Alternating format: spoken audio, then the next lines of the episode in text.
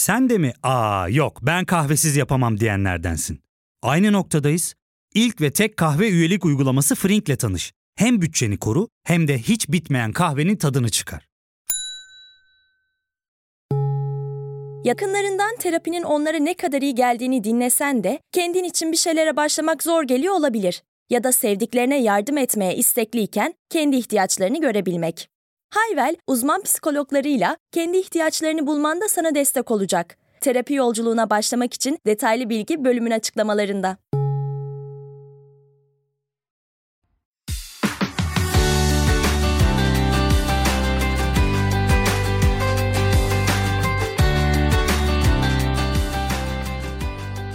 Merhaba ben Nevşin Mengü. Trend Topik'in 11. bölümüne hoş geldiniz. Şimdi biz Trend Topik'te ne yapıyoruz? Bugüne kadar dinleyenleriniz fark etmiştir. O hafta ne oldu? Ne ön plana çıktı, ne konuşuldu, ne tartışıldı? Bununla ilgili bir fikir vermeye, bir çerçeve çizmeye çalışıyoruz. Dolayısıyla o hafta ne konuşulduysa, gündemde ne varsa Trend Topik'te de aslında o var. Trend Topik adını da zaten oradan alıyor. Bir genel resim çiziyoruz. Bu bölümün konusu gündemde olan, gündeme oturan darbe tartışması. Bu darbe tartışması nereden çıktı? Nasıl devam etti? Niye çıktı? Bununla ilgili size bir kronoloji sunacağım. Kim hangi açıklamayı yaptı da bu tartışma başladı? Onun üzerine kim ne dedi? Tartışma nereye gitti? Kronolojiye bakacağız hep beraber. Kimin ne dediğine bakacağız ve böylelikle zaten karşımızda bir tablo belirmiş olacak. CHP Manisa Milletvekili Özgür Özel mecliste bir basın açıklaması yaptı. Basın açıklamasında saray rejiminin sonu geliyor dedi. Tabi sadece bunu duyunca ve üzerine tartışmanın her taraftan gelen açıklamaların neticesinde konu darbeye bağlandı. Buna bir örnek verelim Show TV ana haberden. CHP'li Özgür Özel'in sistem eleştirisi siyasette yeni bir polemiğin fitilini ateşledi. Cumhurbaşkanlığı ve AK Parti'nin sert çıktığı Özel'e bir tepki de Diyanet tartışması üzerinden MHP cephesinden geldi. Saray rejimi buz gibi erimekte, küçülmekte, güç kaybetmektedirler. Tartışmanın fitilini bu sözler ateşledi. İktidar kanadından tepkiler peş peşe geldi. Özel 28 Nisan'da yaklaşık 35 dakikalık bir basın açıklaması yaptı ve saray rejiminin sonu geliyor cümlesini de burada kullandı. Girişte belirttiğim çerçeveyi çizmek adına bu basın toplantısından bir kesit dinleyelim. Yalan yanlış işlerle, bu beyhude işlerle sadece ve sadece Cumhuriyet Halk Partisi'ni ve toplumun bir kesmini şeytanlaştırmak suretiyle onları şeytanlaştırarak kendinize iktidar devşirme, iktidarınızı sürdürme hevesinden vazgeçin. Korkunun ecele faydası yok. Siyaseten eceliniz gelmiştir. Tükenmektesiniz ve siyaseten bitiyorsunuz. Geldiğiniz sandık sizi gönderecek. Atatürk'e husumeti olan ne kadar insan varsa tarihte onları araştırmış olan Ahmet Yaramış'ı buraya atadılar. Herhalde Atatürk'ün kemiklerini sızlatmak için bir atama yap deseniz bu atama yapılır. Otursunlar beyefendiler. Saraydaki yerinde oturdukça Ahmet Bey rahat otursun orada. Ama saray rejiminin, saray düzeninin sonu geliyor. O son bu Atatürk'ün kemiklerini sızlatacak bütün bu atamaları, bütün bu liyakatsizliklerin de sonunu getirecek. Herkes şunu bilsin.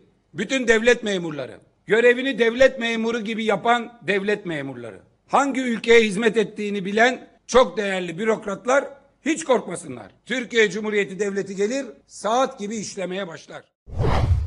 Bu kesit aldığımız açıklamaların öncesinde özel Ankara Barosu'nun yaptığı açıklamalara hükümet cephesinden verilen tepkileri ve Türk Tarih Kurumu'na atanan Ahmet Yaramış'ın atamasını ve atama prosedüründeki süreci eleştiriyor. Basın toplantısının tamamını da açıklamalarda bulabilirsiniz. Şimdi gelelim bundan sonra yaşananlara. Belirttiğim gibi buradan garip bir darbe tartışması alevlendi. Önce Cumhurbaşkanlığı İletişim Danışmanı Fahrettin Altun bir tweet attı. Diyor ki tweette Cumhurbaşkanlığı hükümet sisteminin başarısını hazmedemeyip halkın iradesiyle seçilen Cumhurbaşkanımızın ve hükümetinin meşruiyetine dil uzatan ve aba altından sopa gösteren hadsizler bilmelidir ki Recep Tayyip Erdoğan ve yol arkadaşları hiçbir tehdide boyun eğmez. Böyle bir tweet attı Fahrettin Altun. Şimdi burada anlaşılan tabii Fahrettin Altun'un tweetinde değil ama tweetin altına yazılan yorumlar, başka AKP'lilerin yazdıkları yorumlar özellikle Özgür Özel'in rejim demesine iktidar tarafı çok bozulmuş gibi görünüyor. Hani malum çünkü rejim genellikle daha çok böyle dünyanın da çok meşru kabul etmediği diktatöryel sistemler, diktatörler tarafından yönetilen ülkeler için kullanılıyor. Meşru görülmeyen sistemler için kullanılıyor rejim ifadesi ve anlaşılan ona çok bozulmuş iktidar. Bunu görüyoruz. Tabii Fahrettin Altun'un ardından AK Parti'den sonra topa MHP de girdi. MHP Genel Sekreteri İsmet Büyükataman Twitter'dan özele cevap verdi. Müslüman mahallesinde salyangoz sattırmayız sözü üzerine Sivas katliamında yaşanan acılara gönderme yapıp genel başkanımızı katliama teşvikle suçlamak senin de partinin de arkanızdakilerin de haddi değildir. Haddini bil, ülkücü hareket sana haddini bildirmeyi bilir diye tweet attı. MHP'ye cevaben Özgür Özel Tele1 yayınında konuştu. Ben yatılı okulda büyüdüm. Dayaktan yılmamayı öğrendim dedi. Ben bu laf Sivas katliamının kötü sloganıdır. Bu lafı siyasete taşımayın demişim bu kadar. Yok özür dileyip bilmem ne yap ama esas ne yapıyor? Tehdit ediyor ve şöyle bir söz söylüyor. Özgür Özel lafını geri almazsa diyor ülkücü camia, ülke ocakları ona haddini bildirir, gereğini yapar. Bu ne ya? Şunu söylüyor aslında İsmet Büyük Ataman. Ben kendimi genel sekreter olarak partimin sözcülerini, grup başkan vekilleri Özgür Özel'e sözle cevap veremiyor. Biz söyleyecek sözümüz yok siyasette. Başka bir şey çağrıştırıyor, şiddet çağrıştırıyor. Ben de buna karşı dedim ki iki tane emekli öğretmenin çocuğuyuz biz. Yatılı okulda büyüdük 10 yaşından beri. Hatta orada söylemedim, burada söyleyeyim. Ben yatılı okulda adam dövmeyi öğrenmedim ama dayaktan yılmamayı da öğrendim. Bunu da bilsin. Biz yatılı okul çocuğuyuz. Dedemiz bahçıvan. Annem babam öğretmen. Beni korkutabilirsin belki de. Cumhuriyet Halk Partisi'nin grup başkan vekili Özgür Özel'i korkutamazsın sen. Ya fark ettin mi? Biz en çok kahveye para harcıyoruz. Yok abi, bundan sonra günde bir. Aa, sen Frink kullanmıyor musun? Nasıl yani? Yani kahvenden kısmına gerek yok. Frink'e üye olursan aylık sadece 1200 TL'ye istediğin çeşit kahveyi istediğin kadar içebilirsin. Günlük 40 TL'ye sınırsız kahve mi yani? Çok iyiymiş. Aynen. Hatta şu anda 200 TL'lik bir indirim kodu da var. E hadi hemen indirip üye ol da bu fırsatı kaçırma. Terapiye başlamak, içinden çıkamadığın döngüleri kırmak, bazı yanlış bulduğun kararlarını değiştirmek ve kendinle beraber daha huzurlu bir yaşam inşa etmek için atabileceğin en değerli adımlardan biri. Hayvel ile yoğun yaşam tempona uyum sağlayarak online terapi seanslarını takvimine göre ayarlayabilirsin. Bini aşkın uzmandan sana en uygun terapisti seçebilir, PodB10 koduyla indirimden yararlanabilirsin. Detaylı bilgi açıklamalardaki bağlantıda. Diyor ki iktidar Özgür Özel bir darbeyi kastetti. İşte bizim iktidarımızı rejim diye nitelendirdi ve bir darbeyi kastetti diyor. Bu tartışmalara CHP İstanbul İl Başkanı Canan Kaftancıoğlu da eklendi. Canan Kaftancıoğlu Halk TV'de önümüzdeki süreçte bir erken seçimle veya başka bir şekilde bir iktidar değişikliğini hatta bir sistem değişikliğini görüyorum dedi. Şöyle bir gerçeklik var ki bu korkuları, bu savrulmamaları, bu akılla değil, öfkeyle, hırsla, egoyla, bir kişinin aklıyla iş yapmaları iktidarı hiç iyi bir yere götürmüyor. Bu da önümüzdeki süreçte bir erken seçimle veya başka bir şekilde bu ülkenin gerçekten halkın artık göz açıldı. Kimin kendisine hizmet için e, uğraştığını, çaba gösterdiğini biliyor. Kimin de böylesi bir dönemde dahi neyle uğraştığını görüyor. Ee, şöyle söyleyeyim bir iktidar değişikliğine hatta ben size daha ileri bir şey söyleyeyim. İktidar değişikliği değil bir sistem değişikliğine gidişatı görüyorum. Bunun üzerine AK Parti İstanbul İl Başkanı Bayram Şenocak seçimle olmazsa bir şekilde milletimiz buna en son yelteneni 15 Temmuz'da Şehitler Köprüsü'nden Boğaz'a dökmüştü. Anlaşılan bünyesine demokrasi fazla gelen CHP İl Başkanı genlerine uygun maceralar arıyor. Haberi olsun Boğaz bu mevsim serin, yazında derindir diye bir tweet attı. Yani işte boğaza dökeriz demek istiyor herhalde Canan Kaftancıoğlu'nu. Aslında tabii burada herkesin takıldığı ifade seçimli olmazsa bir şekilde demesi Canan Kaftancıoğlu'nun. Yalnız enteresan bir şekilde Canan Kaftancıoğlu bu ifadeleri kullandıktan yaklaşık bir buçuk iki hafta sonra bir sistem değişikliği tartışması yine gündeme geldi. Bir seçimden önce Cumhurbaşkanlığı seçim sistemi belki değişecek. İşte 50 artı bir yüzde 50 artı bir alan değil de tek turda en çok oyu alan yani işte en çok oyu %40'la diyelim ki Cumhurbaşkanı aldıysa Erdoğan Cumhurbaşkanına devam edecek şeklinde bir sistem değişikliği tartışması gündeme geldi. Ama tabii burada iktidar diyor ki yani iddiası o iktidarın Canan Kaftancıoğlu burada darbeyi kastetti diyor. Şimdi muhalefetin söylediği şey aslında şu muhalefet diyor ki yani ekonomi kötü, Türkiye kötü yönetiliyor ve ya bir erken seçim olacak veyahut da bir şekilde belki bir kabine revizyonu olacak vesaire fakat bir değişiklik olacak diyor muhalefet. Muhalefet erken seçim olacağını düşünüyor. Aslında ifadelerinden onu anlıyoruz. İktidar ise bu tartışmayı başka bir yöne çekmeye çalışıyor. İktidar diyor ki yok darbeyi kastettiler. Şimdi neden öyle diyor iktidar buna bakacağız. Yalnız başka enteresan bir şey oldu. Ragıp Zarakolu artı gerçekte Erdoğan ve Menderes'i karşılaştıran bir makale yayınladı. Makalenin adı Makus Kader'den Kaçış Yok. Makaleyi yayınlarken artı gerçek sitesi Erdoğan'la Menderes'in fotoğrafını yan yana kullanmış.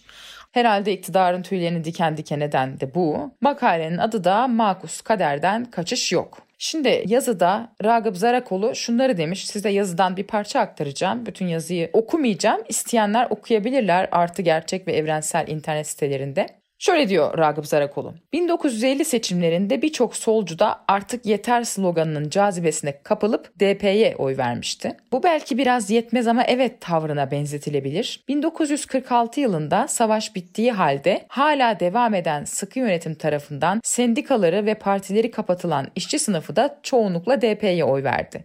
Türk İş de bu dönemde oluştu. CHP yönetimi 1945 yılında sol aydınlardan kopuş yaşamış, milliyetçi muhafazakar kişilerle blok kurmuştu. Türkiye'de Cumhuriyet sonrası ordu içinde ilk junta 1950 seçimleri öncesi Cevdet Sunay tarafından kurulmuştu. Amaç milli şefin iktidarı terk etmemesi durumunda darbe yapmaktı. 1946 yılında İnönü'nün oğlu bile babasına muhalifti ve ev hapsine alınacaktı. DP aslında tek parti rejiminin B takımıydı ve kontrol Celal Bayar'ın elindeydi. 1914'ten 1955'e bütün etnik temizliklerde rol oynamış olan Teşkilatı Mahsusa üyesi Celal Bayar İnönü'den beter çıktı ve iktidarı seçim yoluyla terk etmeyi reddetti. 1949 yılının bütün anti-CHP eğilimli kişileri 1954 sonrası otoriterleşme eğilimi gösteren DP karşısında CHP'nin yanındaydı. İnönü'ye karşı başlayan junta yapılanmaları 1960 yılında otoriterleşmeye kalkan, bunu da eline yüzüne bulaştıran DP hükümeti karşısındaydı. 1950 yılında yapılamayan darbe 1960 yılında gerçekleşti diyor ve AKP ile karşılaştırma yapıyor. Ömer Çelik tweet attı. AKP sözcüsü Ömer Çelik yazıya tepki gösterdi. Yassı ada rejimi katliam rejimidir. Demokrasiyi felç etme örgütünün inandığı tek rejim yassı ada rejimidir demiştik. Bu şer şebekesine karşı safımız milletin, demokrasinin ve cumhuriyetin safıdır diye ifadeleri kullandı. İletişim Başkanı Fahrettin Altun, kaderi tayin eden Allah'a yemin olsun ki bu hastalıklı zihniyetle ve tehditlerine boyun eğmeden milleti için dimdik duran liderimiz Cumhurbaşkanımız Recep Tayyip Erdoğan'ın sonuna kadar yanındayız arkasındayız diyor bir tweet attı. E, tweetini atarken Fahrettin Altun Erti Gerçek'in attığı tweet'i de alıntılamış. Yani Menderes'le Erdoğan'ın fotoğrafı yan yana konulmuş. Onu Fahrettin Altun'un tweetinin altında görüyoruz. Ve tabii Devlet Bahçeli topa girdi. Darbeci geleneğin siyaset ayağı olan CHP suçüstü yakalanmıştır. Türkiye'de sandık başında iktidar nasıl olacaktır? Bunu kim ya da kimler yapabilecektir? Cumhur İttifakı'nın bileği bükülmeden, Türk milleti diz çöktürülmeden gayrimeşru iktidar gayesi nasıl hayat ve zemin bulacaktır diye ifadeler kullandı. Bu sürecin sonunda en çok konuşulan videolardan birini de gazeteci Süleyman Özışık çekti. İktidara yakın gazetecinin videosu epey tartışıldı.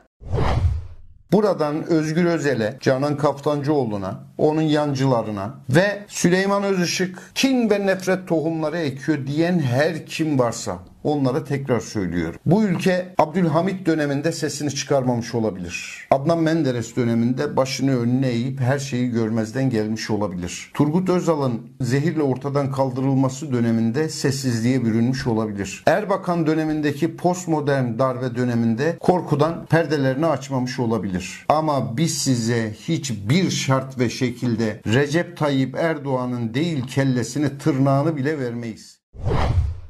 Paylaşanlar Süleyman Özışık'ın geçmişte Fethullah Gülen'i öven tweetlerini de hatırlattı. Şimdi neden çıktı bu darbe tartışması? Kime yarıyor? Ne oluyor? Aslında anketler bize her şeyi anlatıyor. Metropol şirketi çok güzel anlatıyor bunu. Metropol biliyorsunuz haftalık gelişmelere göre kimin oyu artmış, hangi liderin popülaritesi artmış anketlerini yayınlıyor. Şimdi 15 Temmuz darbe girişiminden sonra Cumhurbaşkanı Erdoğan'ın popülaritesi de AK Parti'nin popülaritesi de zirveyi gördü. Toplum desteği, seçmen desteği hiç olmadığı kadar iktidarın arkasındaydı. Fakat ekonomik sıkıntılar ön plana çıktıkça iş değişiyor. Yani hayat pahalılığı arttıkça, enflasyon arttıkça, işsizlik arttıkça bu sefer seçmen desteği iktidarın arkasından çekiliyor, seçmen desteği düşüyor. Şöyle bir trend var. Güvenlikçi kaygılar ön plana çıktığı zaman seçmen iktidara yöneliyor. Ekonomist kaygılar ön plana çıktığı zaman seçmen iktidarın arkasından çekiliyor, muhalefete yöneliyor. Aslında bu anketlerde hep bunu görüyoruz. Yani bir terör saldırıları arka arkaya olduğu zaman ya da yine böyle bir darbe tehdidi olduğu zaman seçmen iktidarın etrafında kitleniyor, kenetleniyor. Yani AK Parti kendi seçmenini, kendi tabanını konsolide etmeyi başarabiliyor. Ama insanlar dönüp baktıkları zaman aa paramız yok ya da işsiziz, iş bulamıyoruz demeye başladığı zaman iş değişiyor.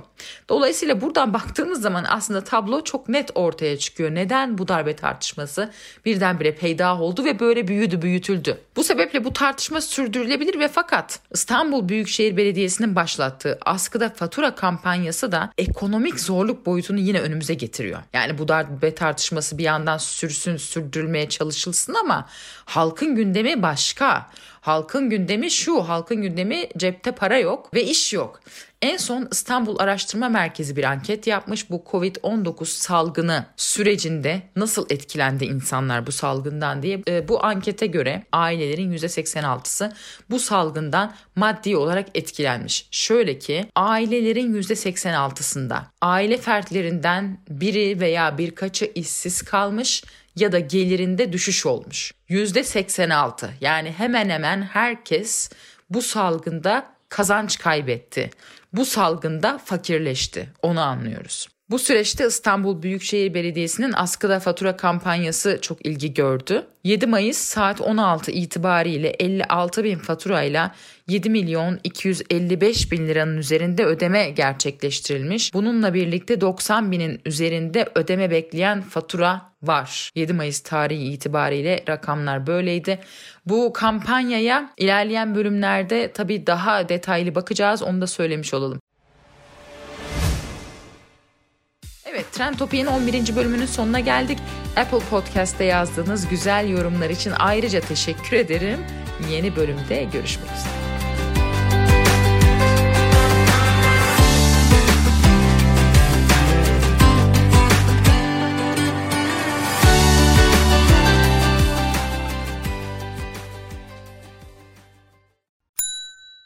İlk ve tek kahve üyelik uygulaması Frink, 46 ildeki 500'den fazla noktada seni bekliyor.